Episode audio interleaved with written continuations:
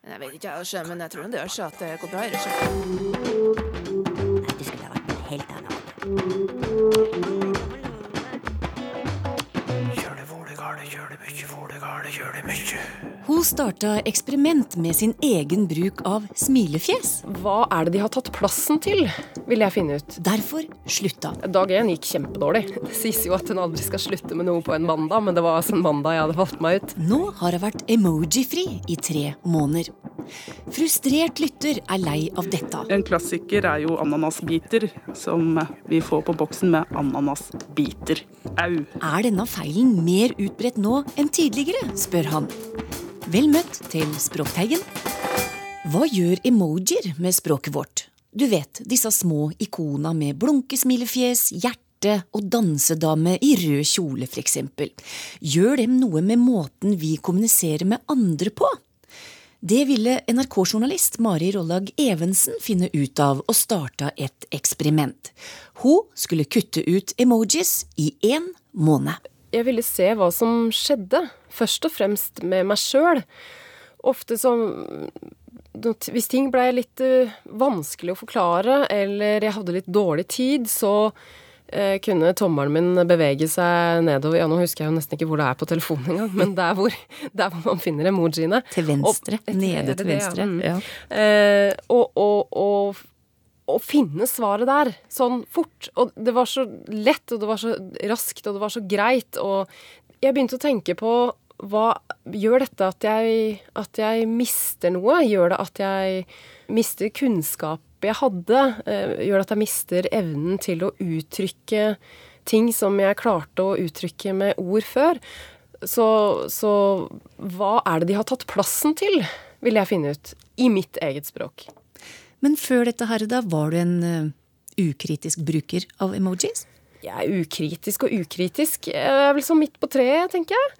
Uh, jeg er uh, 35, så jeg nok, var nok ikke blant de som brukte det aller, aller, aller mest. Men samtidig så har jeg i jobben min som i NRK uh, hatt veldig mye med sosiale medier og, og, og, og mye kortkommunikasjon. Jobber med løpende nyhetsdekning med kortkommunikasjon med kolleger og, når det er hektisk og ja, alt det der.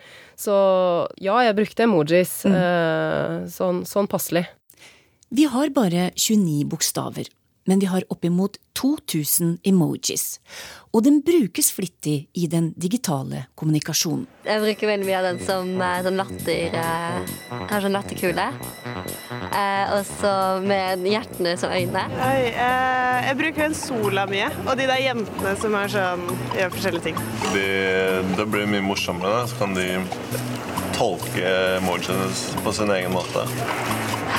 Jeg bruker hjertet en del, faktisk. Men uh, ellers så smilefjes. Bruker du emojis? Nei. Vet du hva det er for noe? Ja. Hvorfor bruker du ikke emojis? Ikke noe poeng. Jeg liker kun klar tekst. Så var jeg ikke helt alene, men meg og han vi nettopp hørte, blir færre og færre. Vi bruker nemlig ikke emojis, disse små bildebeskjedene som totalt har utkonkurrert det gamle smilefjeset med kolon, bindestrek og parentes. Én av tre meldinger på Twitter inneholder nå emojis, og trenden øker, heter det en slovensk studie som har tatt for seg 17 millioner internasjonale tweets. Men jeg som ikke bruker det, lurer på en ting. Skjønner folk hva hverandre mener, eller skriver de bare masse tullebeskjeder til hverandre? Kanskje i hvert fall de på vår alder, men jeg merker sånn mamma i hvert fall bruker emoji på Snapchat, og bruker det kanskje litt annerledes enn det jeg ville brukt, så kanskje de kan misforstå litt, da. Nei, men, men de ser jo hva det er, så de, de er selvforklarende, de fleste jeg bruker. Reporter Daniel Eriksen hadde spurt om folks bruk av emojis. Og hva denne bruken gjør med språket, er det delte meninger om. Noen mener at språket blir fattigere. Folk blir jo ikke gode i språk hvis de ikke bruker språket aktivt og øver seg på å si ting som de vil formidle med språket. Men det syns jeg jo folk gjør mindre og mindre, for nå kommuniserer de med hjelp av smilefjes i stedet, og da får de jo ikke øvd seg på det. Jeg syns at folk skal gidde å ta seg den tida det er, og bruke språket, og bruke språket ordentlig. Det sier skribent og politisk rådgiver Guri Idsø Viken. Hun kaller disse ikona for språkets kjønnssjukdom. Men professor emeritus i lingvistikk ved Universitetet i Oslo, Rolf Teil, mener de beriker språket. Når, hvis jeg hadde stått ansikt til ansikt overfor dere, så hadde jeg smilt. Jeg hadde gestikulert med armene. Jeg hadde, hadde hørt at jeg hadde spesielt tonefall. Og så kommer orda. Og alt det der, der sånn, det er kommunikasjon. Når vi da skriver, så er det da blir nesten alt borte, bortsett fra sjølve orda. Og når vi da kan få det her tillegget av emojis eller emoticon, eller hva vi skal kalle det, så syns jeg det beriker kommunikasjonen for meg. Jeg oppfatter meg sjøl som en relativt leken person, og syns at det der her er rett og slett ganske moro. Og syns jeg kan få sagt veldig mye ekstra ved hjelp av dette her, da. Klippa du hørte er henta fra Ukeslutt tidligere i år. Språkrådet sier tja. Vi har svart høflig nei takk til språkengasjerte nordmenn som vil at vi skal forby det, sier språkdirektør Åse Vetås til NRK. Men på den annen side, hun ville aldri gjort som språkkollega i Oxford Dictionaries gjorde i 2015. Da ble gledeståre-emojien kåra til årets ord. Alt er et spørsmål om tid, sted og sjanger, sier Vetås. Mari Rollag Evensen var altså usikker, og bestemte seg for å slutte. Og da inngikk du en kontrakt med deg sjøl, og hva besto den av? Jeg lagde meg noen regler, og det var at jeg ikke kan bruke emojis uh, i det hele tatt. Og jeg, kan, kunne ikke bruke tegn for å lage emojis.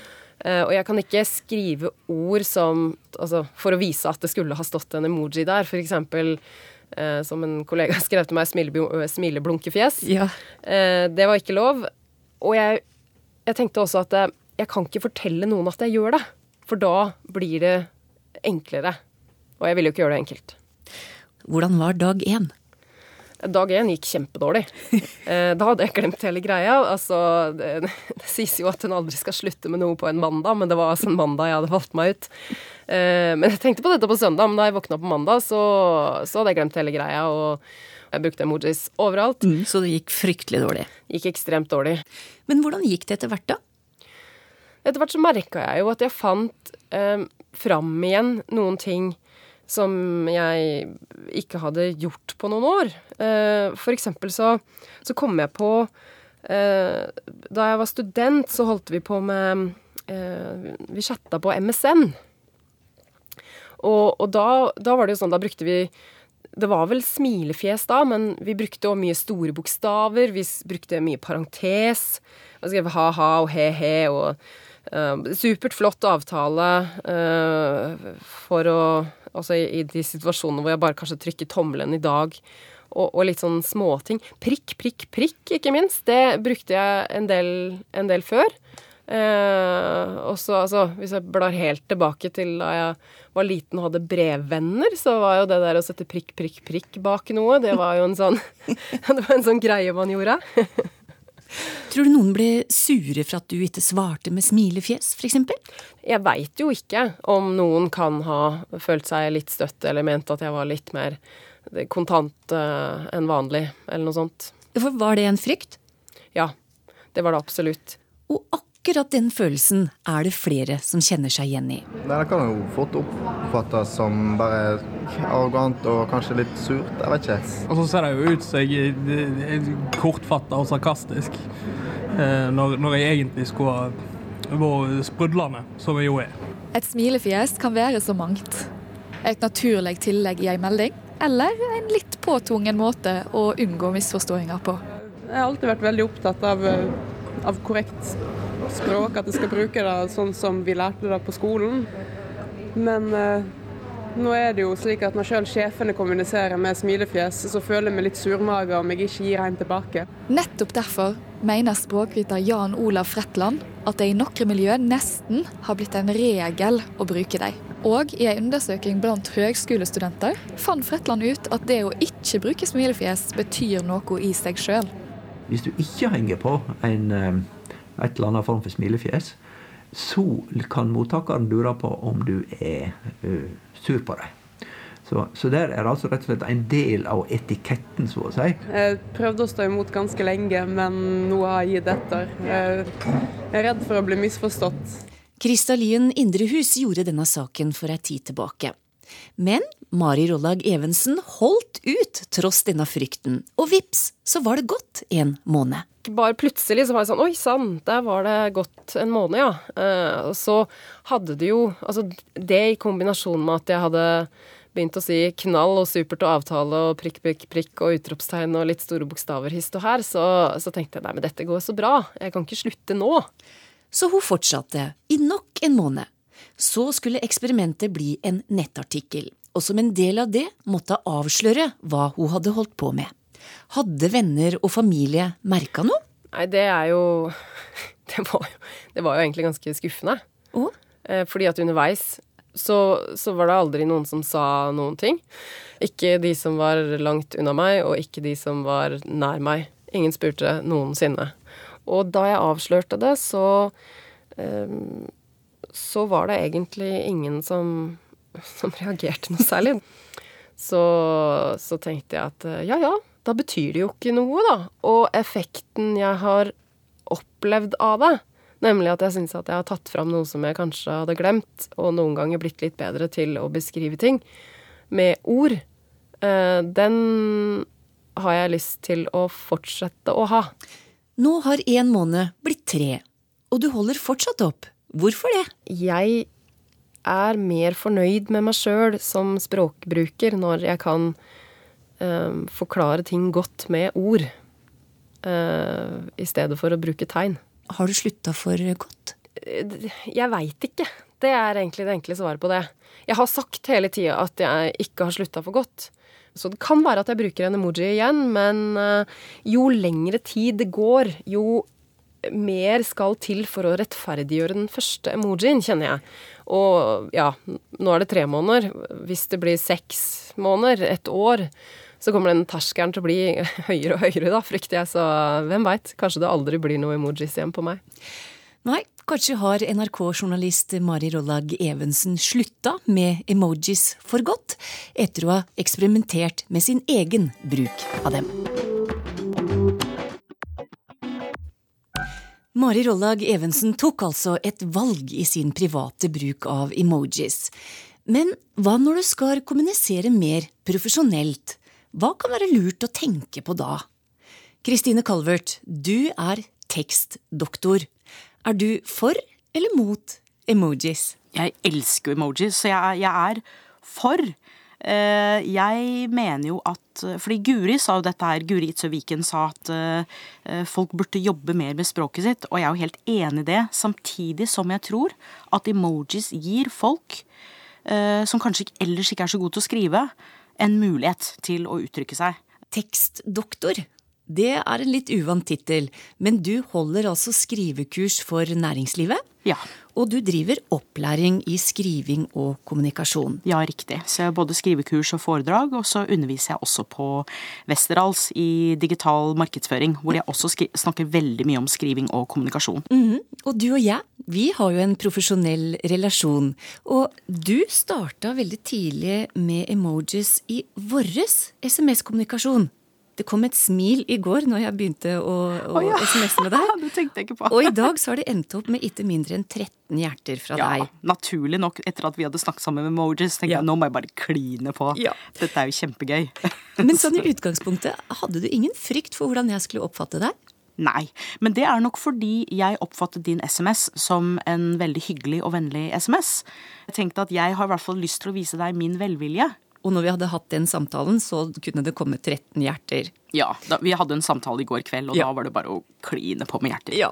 Men kan vi nå gi tre gode grunnprinsipper for bruk av emojis i en profesjonell kommunikasjon? Det tror jeg vi kan, fordi det er eh, Alle gode ting er jo tre. Og det første er jo selvfølgelig Det første prinsippet handler om hvem er det du skriver med eller til. Eh, Og det er litt interessant, fordi det er jo sånn i vår hektiske hverdag at folk har jo ikke tid til masse tekst alltid. Uh, Og jeg er jo tilhenger av god tekst og jobbe med språket, men uh, hvis jeg må bruke mange ord for å si noe som jeg kan si veldig kjapt i en emoji, så kan det godt hende at jeg velger det. Men igjen så spørs det hvem er den som skriver til meg. Hvis jeg får en e-post fra en potensiell oppdragsgiver, da er det en person jeg ikke kjenner. Og hvis han eller hun eller hen ikke bruker emojis, så svarer jeg faktisk aldri med en emoji tilbake. Fordi jeg vil ikke at de skal tenke at å, hun er sånn som kliner på med masse smilefjes, så slitsomt, hun orker vi ikke ha på frollekurs. kurs. Så, så jeg, jeg, ser det an. Men også hvis jeg får fra en jeg ikke kjenner, og de legger på et smilefjes, da svarer jeg alltid med smilefjes. Fordi jeg syns Da er høflig. Det er akkurat som vi matcher folk i hverdagen, så matcher vi folks kroppsspråk. Så det gjør jeg også helt bevisst når jeg skriver profesjonelt, da. Så det er jo første prinsippet, er hvem er det du skriver med eller til. Mm. Andre prinsippet er hva er konteksten. Er dette en uh, seriøs næringslivsaktør? Er det en av mine studenter som henvender seg til, til meg på, på, message, som det heter jo på godt norsk? Uh, hva er det som liksom sammenhengen rundt? Det er også noe som gjør at som jeg vurderer, da. Er dette riktig? Er det riktig å bruke emoji her eller ikke? Fordi mange ganger når vi kommuniserer, så er det jo et det er et hierarki. ikke sant? Det kan være et sånn asymmetrisk forhold at den ene har litt mer makt i anførselstegn mm -hmm. enn den andre. Uh, og det er sånn som man kan påvirke litt. Men det vi hørte i saken her, var jo det, hun ene som sa at uh, jeg er egentlig imot det, men når sjefen min sender en mm, emoji, ja. så føler jeg meg surmaga hvis jeg ikke svarer med det samme. Ja, og den, den er litt vanskelig, for jeg syns som sjef eller som leder så må du tenke litt gjennom hvilket inntrykk du gir, og hva slags medarbeidere du har. Sånn som for meg som jobber på en kreativ skole, så er det helt naturlig at vår toppleder at hun sender oss eh, e-poster med smilefjes. Men hvis hun hadde vært toppleder i Statoil, så hadde det kanskje vært litt annerledes. Muligens. Det er ikke sikkert, men kanskje. Mm. Og hva er det tredje prinsippet du har lyst til å ta fram da? Da er det egentlig kanskje litt av det samme konteksten, men hva kan du avdekke om en annens preferanser? Så når noen henvender seg til meg, så ser jeg jo på dette her, og det går jo superkjapt. ikke sant? Det kan være tekstmelding eller message eller eh, Instagram, kan være hva som helst egentlig, men veldig ofte er det jo e-post. Hva kan jeg avdekke i den e-posten som gjør at jeg svarer på en måte, altså svarer sånn at jeg er respektfull? Så hvorfor ikke emojis hvis det passer, men hvis det ikke passer, så er du i tvil, så la være. Mm. Og så har jeg jo lyst til å legge til, for dette er noe jeg syns er veldig viktig, godt språk er jo mye viktigere enn emojis. Uh, hvis jeg får en e-post med eller uten emojis, så tenker ikke jeg så mye over det, men hvis språket er veldig dårlig, så går det litt på omdømmet løs. Hva med å slenge på en emoji for å mildne et budskap, da? Jeg syns jo det er veldig dårlig kommunikasjon. Uh, å skrive et eller annet som er stygt eller strengt, og så putter du på et smilefjes, og så sitter en i andre enden og ikke vet hva var det hun egentlig mente? Er hun sur? Er hun ikke sur? Uh, og noen ganger så skriver folk for eksempel de skriver et eller annet, og så tar de parentes ironi bak, eller ja, nei. Jeg syns i hvert fall det blir veldig dårlig kommunikasjon. Så jeg, jeg, det er jo alltid bedre å være tydelig.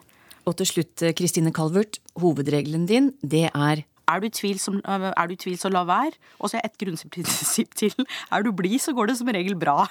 så, så jeg hører jeg er litt schizofren her. Kristine Calvert var det som jobber som tekstdoktor. Da er det tid for spørsmål fra døkk, og vi har med oss vår faste språkviter Toril Oppsal. Reidun Løkken Steimler er først ut, og hun skriver det har dukket opp et nytt uttrykk i språket. Jeg hører oftere og oftere uttrykket sette i spill eller være i spill. Hva betyr det? Brukes feil preposisjon, eller har det ikke noe med å stå på spill å gjøre? Her er det nok i noen tilfeller helt synonymt med det å sette på spill, eller å stå på spill. Hvis du setter noe på spill, så setter du noe i fare. Du risikerer noe.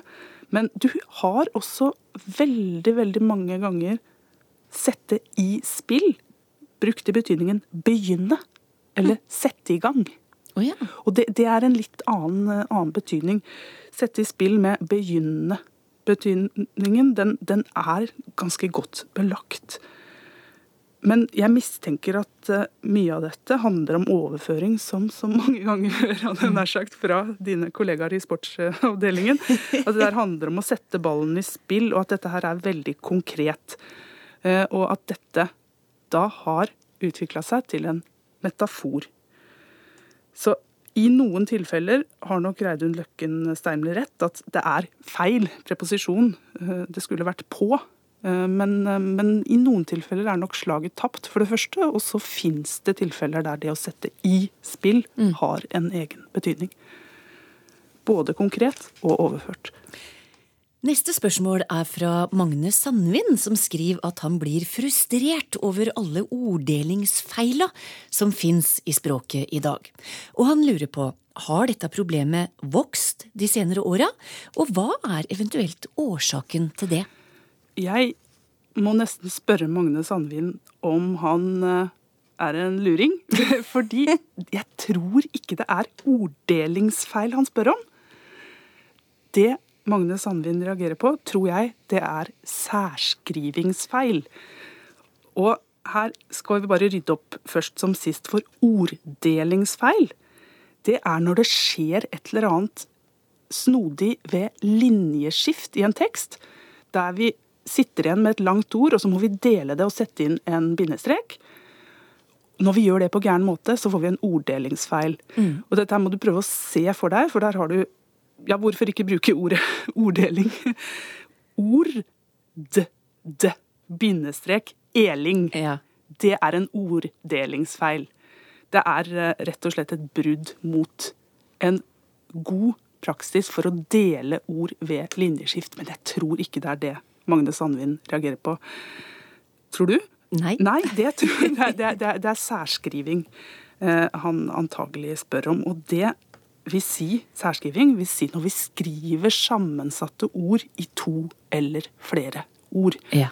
Og det er en veldig vanlig skrivefeil. Og eh, her kan vi jo nevne gode eksempler i fleng. Nå er det ikke mange som røyker lenger, men det står nå fortsatt noen skilt med røykfritt Ja. rundt forbi, men her og der står det også røykfritt. Og det er umulig, det de mener. Eh, og en klassiker er jo ananasbiter, som vi får på boksen med ananasbiter. Det er veldig, veldig mange artige eksempler på dette her. Oi, ananasbiter? Ja. Au. så, så dette her er særskrivingsfeil. Og om det har blitt mer av det, spør Magne Sandlin. Ja. og det er i hvert fall en vekst i oppmerksomheten omkring dette fenomenet. Eh, og det har blitt gjort en del studier, det har blitt skrevet noen masteroppgaver, og vi har også en stor, entusiastisk gjeng som kaller seg astronomer mot orddelingsfeil, er det vel. Eh, og de kaller det orddelingsfeil, og det er det mange som gjør. Men dette her er altså særskriving. Eh, og hvorfor er det sånn? Ja. Eh, Noen har fremma en hypotese om at dette her er påvirkning fra engelsk. Og det er nok med på å forklare noe av det, men barn har hatt særskrivingsfeil også før de begynner å skrive engelsk. Mm. Så det kan ikke forklare alt. Eh, Retteprogrammer har blitt nevnt. Fordi ingenting er vel mer ubehagelig om å sitte der og forfatte et utmerket opus, og så får du denne herre ah, røde streken under, og så deler du opp. Du særskriver, åh, så forsvinner den røde streken. Det var godt. Altså, Mm. det, dette, her, dette her kan kanskje ha noe med saken å gjøre. Men vi har også denne typen feil når vi skriver for hånd. Eh, Og det har vi også hatt lenge.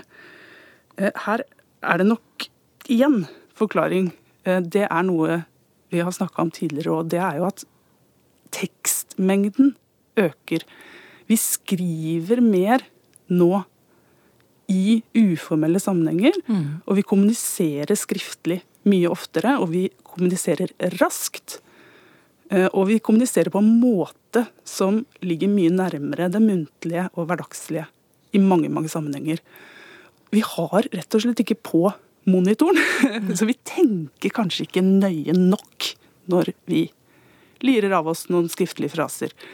I tillegg så må jeg jo glede de som er glad i grammatikk og skriveregler. Dette handler nok også om generell morfologisk kunnskap. Det handler om kunnskap om bøying, om morfem og ordgrenser. Og kanskje er det sånn at noe av skriveopplæringen i de siste åra har fokusert på andre sider ved det å skrive en god tekst. Og det kan være veldig bra, men det kan også gå utover den grammatiske kunnskapen som er nødvendig for å unngå denne typen feil. Blant noen. Er det så nøye? Ja, jeg mener det. Jeg, jeg mener at vi skal prøve å unngå denne typen feil når vi skriver. Charlotte Cyrus har lenge stussa over bruken, eller misbruken, av ordet nazi. Hennes inntrykk er at mange bruker det synonymt med streng. For eksempel så hører hun uttrykket 'læreren er så nazi'. Er dette greit, spør hun. For hva skjer da med det opprinnelige innholdet i ordet? Ja, det fins mange belegg for den bruken som eh, Charlotte gir eksempler på. Mm.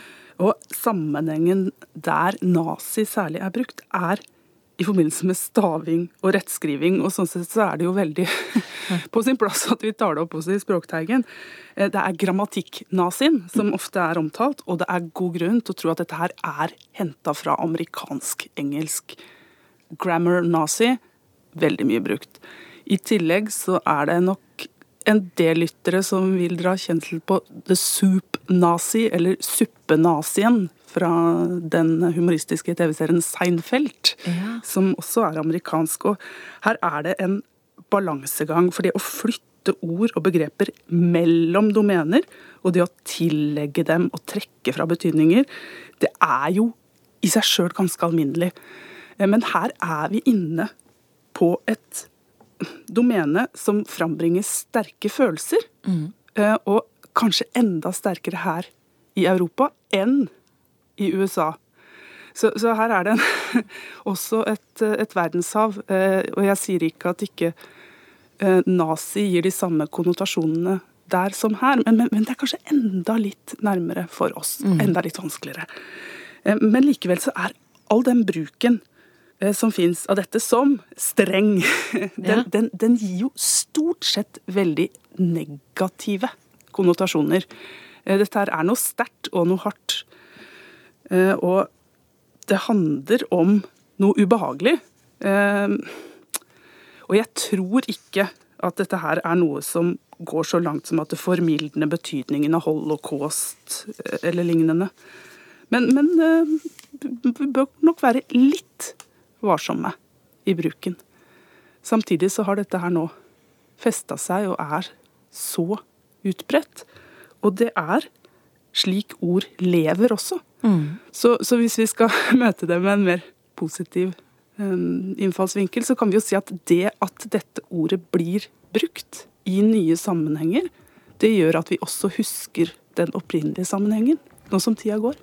Toril Oppsal svarte på spørsmål fra lyttere i dag. Og har du spørsmål, så send dem til teigen krøllalfa nrk.no. Du kan bruke Facebook eller Twitter, eller sende SMS med kodeord 'Teigen' til 1987 for ei krone. Det var det. Ha det bra.